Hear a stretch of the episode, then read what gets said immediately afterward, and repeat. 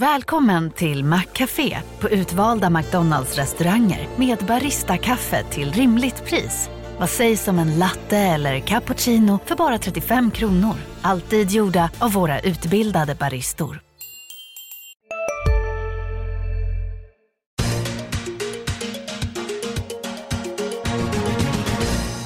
Hej och välkommen till Makrorådet, podden där vi pratar om de tunga ekonomiska frågorna. Jag heter Viktor Munkhammar. Med mig idag har jag Anna Breman, chefsekonom på Swedbank och Johan Javeus, analyschef på SEB. Välkomna hit båda två. Tack så mycket. Tack. Jajamensan, det här är faktiskt det sista programmet för vårsäsongen och vi ska blicka tillbaka lite på det som har hänt eh, sedan årsskiftet. Vi ska blicka framåt lite kring vad man kan hålla ögonen på under sommaren. Eh, vi ska fråga oss om Sverige kanske kommer att se sig tvunget att välja mellan att lämna EU eller att gå med i euron. Eh, men jag tänkte att vi börjar med det eh, sprillans nya förslaget från Finansinspektionen som ju presenterades idag vad gäller vad hushållen får och får inte göra med sina lån. Och tanken där är att ett hushåll som har lånat mer än 4,5 gånger sin inkomst och har lån på över 75 procent av bostadens värde värde ska tvingas amortera 3% av lånet per år. Eh, det amorteringskrav som infördes förra året säger ju att har man lån på över 75% så ska man amortera 2% Nu vill alltså Finansinspektionen koppla det här till, till skuldkvoten, eh, lånets storlek i, i relation till inkomsten och, och skärpa amorteringskravet. Eh, vad tycker ni om det här, eh, den här nya idén? Anna? Klassisk kompromiss i svensk anda. Det är bättre än ett strikt skuldkvotstak som är det som har diskuterats tidigare. Eh, men eh, det löser ju inte alls problemen på svensk bostadsmarknad.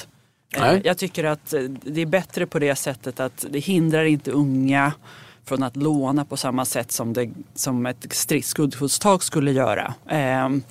Eh, och amortera, man, får låna och sen måste, man amortera. Det är ganska rimligt. Men jag är rädd för att det blir en ursäkt för politiker att inte ta tag och, och få fram en ordentlig bra reformagenda för svensk bostadsmarknad så man löser eh, att vi får en hållbar situation på längre sikt. Utan det här är ju ett sätt att, att dämpa skuldökningen något eh, kortsiktigt. Men det löser inte de grundläggande problemen. Nej, Johan?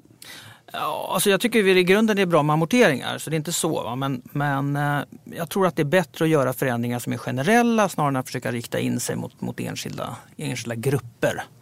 Och eh, då tror jag att det är bättre att, att göra förändringar i ränteavdragen till exempel som gäller alla. Ja, okej. Okay. Om man tittar på de eh, liksom, ekonomiska konsekvenserna. Finansinspektionen eh, eh, bedömer att i dagsläget är det ungefär 14 procent av de nya låntagarna som skulle drabbas av det här. Man kan tänka sig då att man får lite mindre konsumtionsutrymme och så vidare. Ser ni några liksom, effekter på ekonomin i stort om det här förslaget blir verklighet? Det finns ju en risk att ytterligare dämpar rörligheten på svensk bostadsmarknad. Ehm, och det är ju inte bra för den är redan låg. Ehm, det som du säger, det kan dämpa eh, konsumtionsutrymmet för vissa hushåll. Det kommer ju slå hårdare i storstadsregionerna. Ja. Ehm, och det är ju lite syftet med det för där har ju prisökningen varit som störst.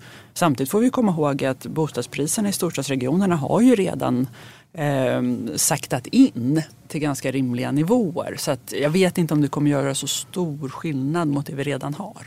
Ja. Johan, vad tror du? Ah, jag, jag, är väl ungefär inne på samma linje. Att det här kommer inte på något sätt bli någon vattendelare jämfört med hur det har sett ut de senaste åren. Okay. Ni låter måttligt entusiastiska om man ska sammanfatta den här korta diskussionen. Är det en korrekt uppfattning? Ja, och framförallt så får du inte hindra oss från att eh, sätta press på politikerna och göra de här andra sakerna som eh, skulle vara mer eh, bättre långsiktigt. Ja, okej. Okay. Då går vi vidare till en eh, ännu större fråga kan man väl säga.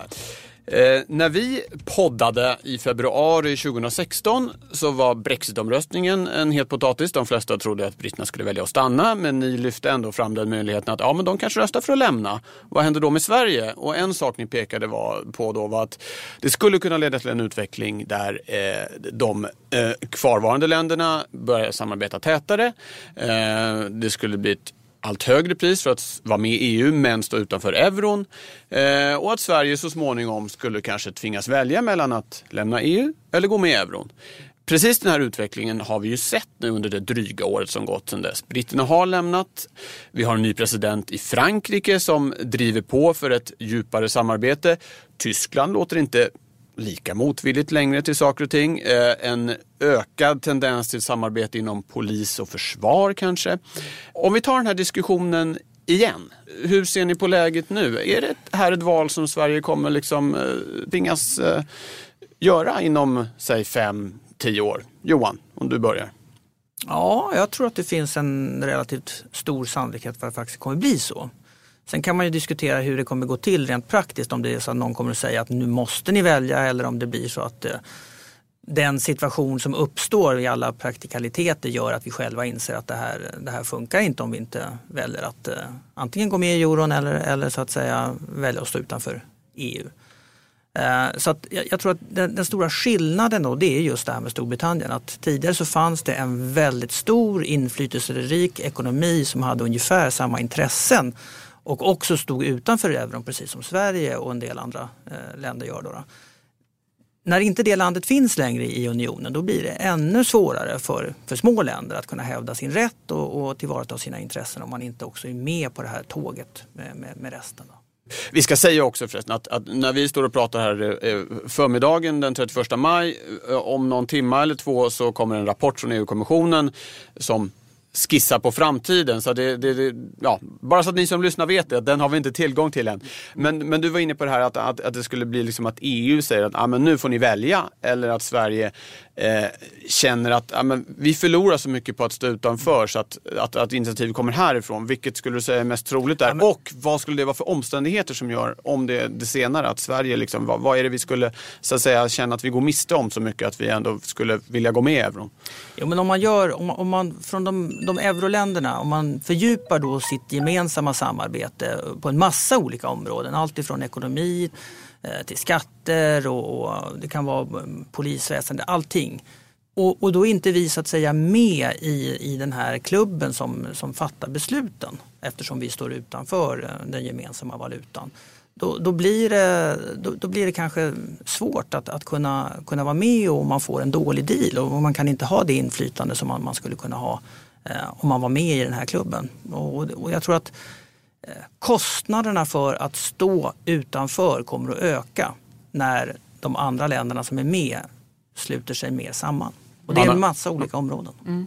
Nej, men jag delar helt den uppfattningen att vi förlorar i politiskt inflytande eh, när Storbritannien lämnar. Eh, och det är redan så idag att mycket görs upp på eurogruppens möten och sen så ställs ju resten av EU lite inför faktum. Får de det... komma in och ta en kopp kaffe och lyssna på vad de andra har bestämt? Ja, och det, det, när Storbritannien ändå var där så, så var det ju svårare att, att bete sig på det sättet. Men det kommer ju gå mot det hållet och nu med Macron, Merkel, Tyskland och Frankrike försöker eh, gå ännu mer framåt med integration. Då kommer Sverige hamna mer vid sidan av. Det finns en stor risk för det.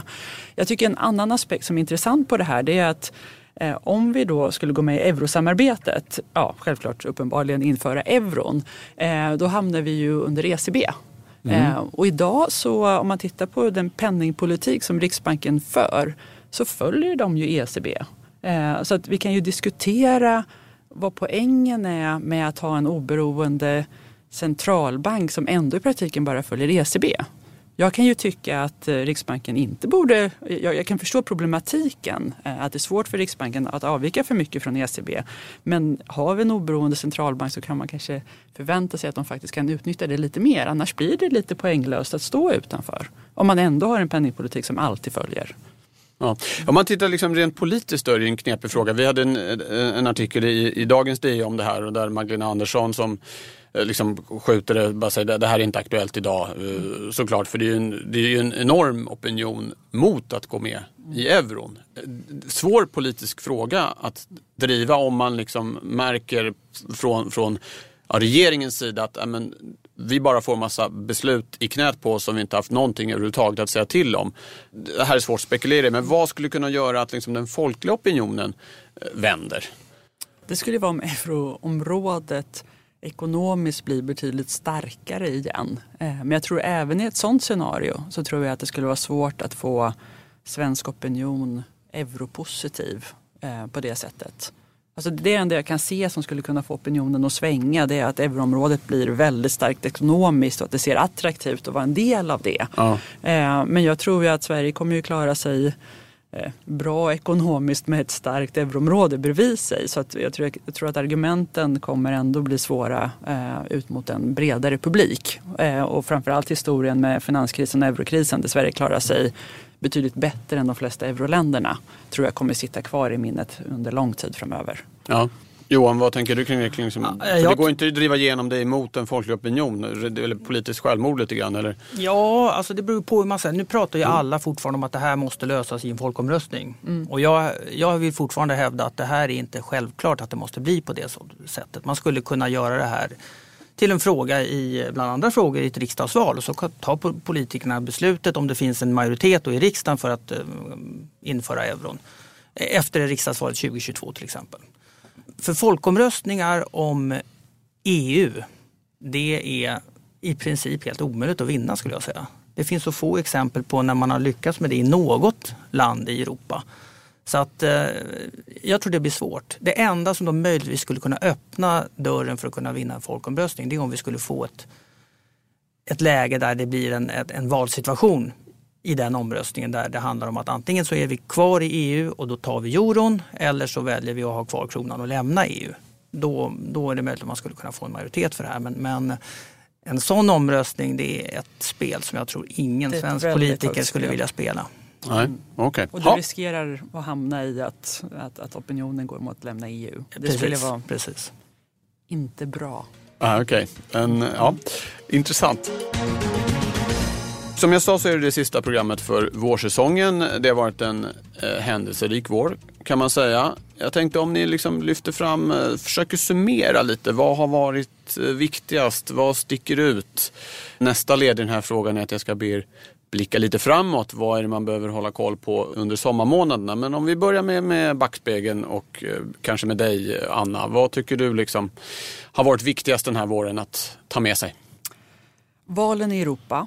Att det faktiskt har gått eh, bra för de eh, reformvänliga krafterna eh, och att populisterna har fått ta ett steg tillbaka i Europa. Det är en positiv utveckling.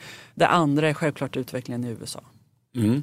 Att vi börjar se effekterna av eh, Trump i Vita huset, alla spänningar som är, Trump trade som delvis har reverserats. Förklara eh, kort vad Trump trade är för någonting. Ja, efter att han blev vald så, eh, så blev det en positiv stämning av förväntan av att det skulle komma infrastruktursatsningar och skattelättnader som gjorde att börsen gick upp, räntor gick upp. Eh, och den har man ju nu insett eh, att politiken är så mycket mer komplicerad. Att eh, man har sett en president, jag vet inte riktigt hur jag ska kunna uttrycka mig på ett acceptabelt sätt, men som har svårt att styra skandal efter skandal. Ehm, så att det har ju skapat en politisk oro som gör att nu vet man ju inte alls vad som kommer hända. Ehm, så att det, det, det har varit en eh, intensiv period som kommer fortsätta med fokus på USA. Ja. Johan? Mm, ja, jag hade väl det skulle vara underligt om jag inte hade haft ungefär samma saker. Då. Ja. Och, det, och det har jag väl. Då. Men, men jag kan väl säga så att om man bara utvecklar det lite så eh, i Europa så de här valen, det, som sagt, de har gått bättre än väntat. Och det har ju blivit lite nystart för den här Europaintegrationen som vi var inne på tidigare. Då. Så det, det, det, är väl en, en sak som man får, så får man se hur det utvecklar sig naturligtvis. Men eh, om man ska lyfta fram någonting som är lite mer marknadsspecifikt också så är det den här extremt låga volatiliteten som vi har nu levt med ett tag. Och det undrar man ju naturligtvis hur länge det kan hålla i sig. Ja. Ingen av er nämner det liksom konjunkturlyftet vi har sett i Europa inte minst. Det började ju bubbla lite redan i höstas men har ju verkligen eh, tagit fart här nu under våren. Att det äntligen ser ut att bli en lite mer rejäl återhämtning. Inte bara det här mm. att det lunkar på. Det kanske var helt bara som ni hade räknat med skulle ske eller är, är det något? Vill du säga någonting om det? Nej, men vi, har ju, vi hade ju det i prognoserna att Europa faktiskt började gå bättre. Så ja. det är väldigt positivt att det faktiskt har materialiserats så att det till och med har varit lite starkare än väntat. Jag tror att det också bidrog till att politiken gick åt rätt håll i Europa. Ja. Ehm, och det är en sån sak som nu om vi ser lite, en liten reformagenda i Europa, lite mer integration så kan ju det faktiskt få ytterligare ett skjuts. Det är en mycket positiv utveckling. USA är lite mer blandade när det gäller konjunktursignalerna. Både en del positivt men en del svaghetstecken också. Ja. Johan, ja, du, ville du utveckla någonting om volatiliteten där? Vad, Nej, men alltså, nej jag, jag tycker att det, det är svårt att liksom dra några starka slutsatser av hur det där ska utvecklas framöver. Men Har du också valt att bli egen? Då är det viktigt att skaffa en bra företagsförsäkring. Hos oss är alla småföretag stora och inga frågor för små. Swedeas företagsförsäkring är anpassad för mindre företag och täcker även sånt som din hemförsäkring inte täcker. Gå in på swedea.se företag och jämför själv. Hej, Synoptik här. Hos oss får du hjälp med att ta hand om din ögonhälsa. Med vår synundersökning kan vi upptäcka både synförändringar och tecken på vanliga ögonsjukdomar. Boka tid på synoptik.se. helt klart så, ja, är det någonting som gör en lite orolig framöver så är det naturligtvis att det har varit lugnt väldigt länge. Ja, okej. Eh, Eh, det dröjer ett tag innan det kommer ett nytt program så jag tänkte vad, om man liksom vill ha eh, koll på läget här eh, under, under sommarmånaderna. Vad är de viktigaste grejerna att tänka på som ni ser det? Du, vill du börja nu Johan? Ja, alltså det är ju fortsatt politiskt fokus då. då. Dels då val i Storbritannien. Eh, jätteviktigt då för hur den här fortsatta brexitprocessen ska spelas ut och naturligtvis också viktigt för hur EU ska, ska fortsätta med, med, med vad man vill själv, själva göra. Då. Och så eh, i Europa då också valet eh, i Frankrike. Om det, Parlamentsvalet. Ja, parlamentsvalet. Om det nu blir så att Macron lyckas stärka sitt mandat här. Och det ser väl lite positivt ut men, men man vet ju inte förrän efter att det, det, det är avklarat. Och sen om man blickar ännu lite längre fram då så återigen eh, val då i Tyskland och om det nu blir så att vi får, också får val i Italien så är det klart att det blir en, en väldigt, väldigt spännande, spännande höst. Ja, okej. Anna? Trump, Trump, Trump och Ryssland.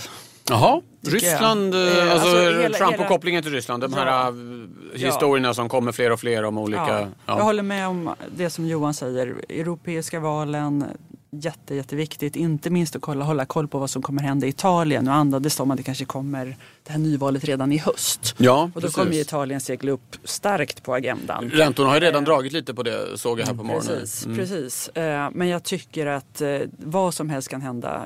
Vad som helst är ett lite starkt ord men det kan hända saker i USA och vi kommer behöva följa det. Det kommer även påverka marknaderna på ett sätt som är svårt att förutse om det händer någonting. Oavsett om det bara är fortsatt politisk oro eller om det blir några rättegångar eller några som avgång. Jag menar, det kan ju vara Trump själv, vilket kanske inte är det mest troliga, men det är ju andra personer väldigt nära honom eh, som eh, är utsatta, utsatta fel ord, som är granskade på ett mycket bra sätt. Så att jag tror att USA, det som händer där, kommer att vara fortsatt i fokus. Men så har jag även en svensk grej. Ja. Eh, det är Riksbanken. Ja. För att det kan ju komma besked om en ny riksbankschef. Det är också så att Riksbankens politik just nu är intressant. Eh, se vad de gör vid mötet i juli. Vi har en del inflationsutfall som eh, kommer komma innan dess. Eh, så att jag tycker att Riksbanken ska man också fortsätta att bevaka. Ja, okej. Mycket politik annars. Ja. Det, Mm. Det det är är så. liksom det, ni har ju analyserat ekonomi i många år. Nu är det politik ni liksom får analysera. Ja, men det, vi får väl ändra oss och anpassa oss helt Ja, enkelt. ja, ja. okej. Ha, bra, då vet eh, ni som lyssnar vad det gäller att hålla koll på eh, under sommaren. Det kan ju vara bra att eh, släppa det och läsa en bok kanske också om man har möjlighet. Men eh, det vet ni väl bäst själva. Tack för det. Då går vi vidare till eh, spaningen där ni har funderat på, det ju, eh, blir lite likt det här framåtblickande under sommaren men ändå någon, någon mera eh, grundläggande sak som ni tycker att man ska eh, hålla koll på. Eh, Anna, vad har du med dig idag? Jag tycker man ska hålla koll på Frankrike. Nu har det varit mycket fokus på Frankrike på grund av nya presidenten Macron att han, var, att han vann. Men det är några aspekter som gör att jag tror att vi kan se att Tyskland har ju varit det stora dragloket i Europa nu under många år. Och det kan nu komma att tas över mer av Frankrike. För att Frankrike har haft en väldigt trög ekonomisk utveckling. De har fortfarande en arbetslöshet som är hög. Eh, ganska måttlig tillväxt även om den börjar komma igång. Men man får komma ihåg att har du, har du haft en trög utveckling under en lång tid så ko- de ligger lite sent i konjunkturcykeln, faktiskt efter lite resten av, av euroområdet. Så att nu kan de börja ta fart. Och då kommer de kunna ha riktigt fin tillväxt under många år framöver. Framförallt eh, om eh, man gör en del reformer. Och nu finns det ju viss möjlighet till det även om det har varit svårt i Frankrike. Så att det är en positiv aspekt. Och sen har Frankrike någonting som Tyskland inte har på längre sikt, det är att de har god demografi. Tyskland har en kraftigt åldrande befolkning. De har redan haft en god tillväxt under många år och kommer säkert börja sakta in lite. Medan Frankrike är motsatsen. Frankrike kommer på sikt bli större befolkningsmässigt än vad Tyskland är. Så det kommer bli en skillnad i både tillväxtpotential och maktbalans i Europa när Frankrike blir allt större. Jaha, så att Frankrike tar över den ekonomiska ledartröjan i Europa? Är det din spaning? Vi kan säga så här. Jag hoppas att Frankrike kommer komma dit och jag tror att det är en möjlighet. Så att jag tycker det är mycket viktigt att bevaka och se hur utvecklingen går. Och får vi reformer så kommer det vara, finnas en god möjlighet att vi ser en bra tillväxt i Frankrike under en bra tid framöver. Ja, intressant. Jo, Johan, kort bara, vad säger du om den, ja, den här spaningen? Jag är helt chockad över, över det här. Nej, men skämt åsido, det finns naturligtvis väldigt mycket i, i detta. Eh, sen är det där just med reformer och eh, jag vill nog helst se lite bevis på att eh, han lyckas eh, innan jag är beredd att liksom, eh, köpa in i den här väldigt positiva bilden för Frankrike. Till att börja med kanske din, din sommarobservation att det här parlamentsvalet faktiskt resulterar i ett parlament som kan ge honom stöd för det han har sagt sig vilja genomföra. Absolut, det, det, det tror jag är viktigt. Men sen när man tittar på alla de här länderna i Sydeuropa så Problemet med de här reformerna som man har genomdrivit framförallt i Spanien och till viss del i Italien också, Portugal naturligtvis, det är att de har kommit under stort, stort yttre tryck. Och det trycket finns inte i Frankrike. Nej, men vi får komma ihåg att Tyskland såg som den sjuke mannen i Europa för 15 år sedan. Och de hade också mm. arbetslöshet som låg permanent runt 9-10 procent. Gjorde reformer, haft en fantastisk utveckling sedan dess. Så att eh, jag vet att det är jättesvårt att få igenom de här reformerna i Frankrike. Men både konjunkturmässigt och att de inte har gjort reformerna gör ju att om man gör det så finns det en stor uppsida. Ja, Okej, okay. spännande. Tack för det. Johan, vad har du med dig? Ja, jag tänkte väl ta vid lite där vi började då med det här med skuldsättningen. Och det är ju oro för stigande eh, huspriser och skuldsättning. Det är ju någonting som skapar krigsrubriker eh, i stort sett varje vecka. Då. Eh, för, för en vecka sedan så var det EU-kommissionen och idag så är det Finansinspektionen och Riksbanken. De är ute nästan varenda var och varannan vecka och pratar om det här. Då. Och jag tycker någonting som ofta glöms bort i den här diskussionen om, om svenska hushålls skulder det är att de också har väldigt, väldigt stora tillgångar. Och eh, på, jag menar, tittar man på, på tillgångarna eh, så är det så att till och med när man räknar bort värdet av våra bostäder så är ju eh, våra, våra tillgångar eh, faktiskt högre än, än de samlade skulderna. Och räknar man med bostäderna så är de mer än tre gånger så, så höga som skulderna. Det är ju någonting som jag tycker att man, man får, man får inte glömma bort det när man pratar om att vi har så hög skuldsättning. Och sen så eh, en annan dimension i det här det är också vem som har lånat pengarna och det har ju gjorts en del forskning kring, kring detta. Jag tycker en av de bästa inläggen i det här det var ju den utredning som kom då för några år sedan. Den statliga offentliga utredningen Man gick igenom alla svenska hushålls skulder och kom fram till att Eh, en tredjedel har inga skulder alls.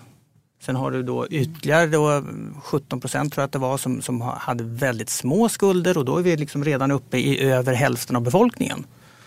Och, och sen har vi då också eh, från samma undersökning den här slutsatsen att det var en väldigt liten del, 2,5 procent av befolkningen som hade då riktigt höga skulder. Hur definierades höga skulder? Ja, då definierades det som att man hade en, en bruttoskuld på över 1,8 miljoner tror jag. Sen har Aha. vi ju haft lite kredittillväxt till dess då, då eller sen dess då, så att det, mm. det, har väl ökat lite. Då. Men, men det är en väldigt liten grupp, eh, grupp totalt. Och då kan vi också misstänka att den gruppen också sitter på mer kanske inte merparten, men en stor andel av de här finansiella tillgångarna. Så att när man, när man pratar om de här effekterna av att, alla är ju överens om att banksystemet är, är säkert, de har goda buffertar och, och, så vidare. Hushållen, de är också så att säga, de har goda marginaler. Möjligtvis så kommer vissa av dem få dra åt svångremmen om nu räntorna skulle gå upp eller bopriserna skulle falla av någon anledning. Men i grunden så, så är så att säga, det handlar inte om att hushåll ska ställa in betalningarna och, och inte kunna betala sina lån. Utan vad man är orolig över det är just det här efterfrågefallet i ekonomin. Om det nu är så att eh, man skulle behöva se högre räntor och, och betala mer på sina lån.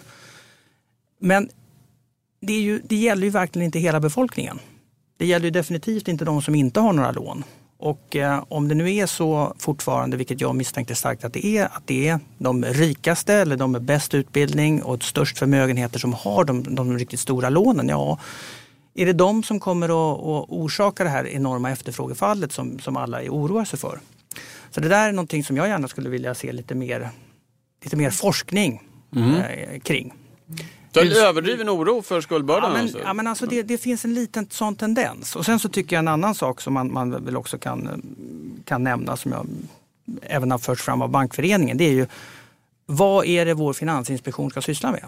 Är det finansiell stabilitet eller är det också makroekonomisk stabilitet? Det, det och det här jag... efterfrågebortfallet som skulle kunna bli följden av en ränteuppgång exempelvis det handlar om makroekonomisk stabilitet. Då. Ja, precis. Och det, och det kan man verkligen diskutera tycker jag om det är en fråga för Finansinspektionen som ska syssla just med finansiell stabilitet. Ja. Ja. Och i, i viss mån också konsumentskydd. Ja. Anna, kort kommentar. Men jag, jag tycker det är jätteviktigt att lyfta fram tillgångssidan. För den är verkligen stor och har ökat. Problemet i Sverige är att vi vet inte hur fördelningen ser ut när det gäller tillgångar och skulder. För att vi har inte förmögenhetsdata längre. Eh, och det, om jag har förstått det rätt så är det faktiskt så att SCB har en viss information men den släpps inte offentligt. Eh, för, av några politiska anledningar. Eh, och det tycker jag är ju, eh, det, det, borde ju släppas åtminstone till forskningen så att de kan göra den här typen av bedömningar. Jag tror att det är jag tror att det finns både det här att en del har stora skulder och stora tillgångar, ja. Men vi vet när vi har tittat internt i banken att det finns ju också en viss ojämn fördelning. Det är mycket en generationsfråga idag. Det finns yngre hushåll som har tagit på sig stora lån som inte har så mycket förmögenhet och så finns det äldre generation som har mm, stora tillgångar. Så det är helt jämnt fördelat är det ju definitivt inte. Eh, så det finns en viss sårbarhet i det. Det jag tycker man ska också prata mer om kring när det gäller skuldsättningen, det är ju generationsfrågan. Mm. För det, det, har blivit idag så att det blir en yngre generation som blir väldigt högt skuldsatt. Eh, som blir väldigt sårbara. Och vi behöver, det är därför jag tycker att det är så viktigt att man tittar på bostadsmarknaden från ett bredare perspektiv. För du vill inte att det här smäller till för mycket. Att det, du sitter på ungdomar som känner, känner att de blev lurade eh, in i det här. De politiska konsekvenser av det kan bli väldigt stora.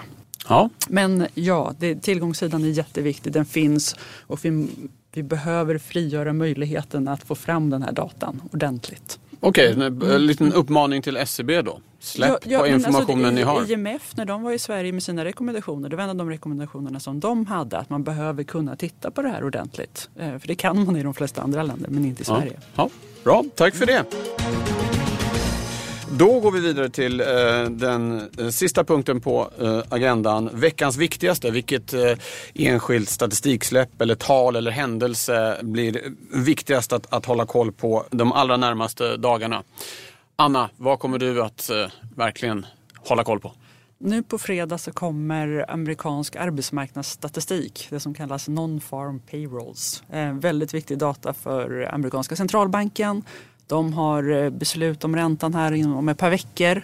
Eh, så att den här datan kommer bli viktig för räntebeskedet i juni för Federal Reserve.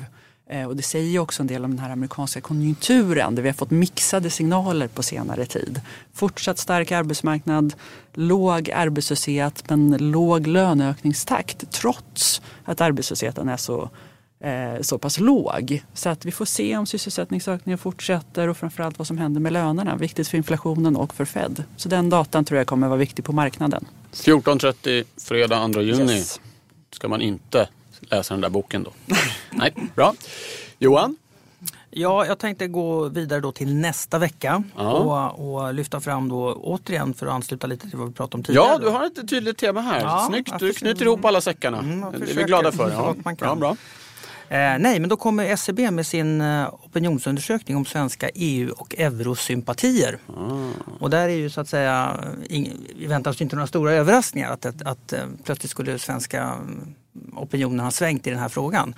Men det är ändå intressant att titta på och sen kan väl också flagga också för att vi på SCB e också gör vår egen opinionsundersökning på det här temat och då väljer vi att fråga om hur folket skulle välja om ett fortsatt EU-medlemskap skulle medföra att man också behöver gå med till euron. Alltså vara kvar i EU och byta till euron eller behålla kronan och lämna EU. Så ni ska Hur väljer man i den? Fråga svenskarna precis den frågan vi har Ja, diskuterat här, precis. om det blir ett sånt valet. Ja, ja, ja. okej. Ja, och det här är SCB 7 juni? Just det. Ja, okej. Bra. Då vet vi eh, vad som har varit viktigast under våren. Vi vet vad som kommer bli viktigast under sommaren. Vi anar att Frankrike ska ta över efter Tyskland, om man hårdrar det lite, Anna. Eh, och vi vet vad man ska hålla koll på den närmaste veckan. Tack ska ni ha. Tack ska du ha eh, som har lyssnat. Med all denna information så tackar vi för vårsäsongen och önskar en skön sommar. Eh, vi är tillbaka den 13 september. Håll ut till dess och ha det så bra. Hej hej! Makrorådet från Dagens Industri. Podden klipps av Umami Produktion. Ansvarig utgivare Lotta Edling.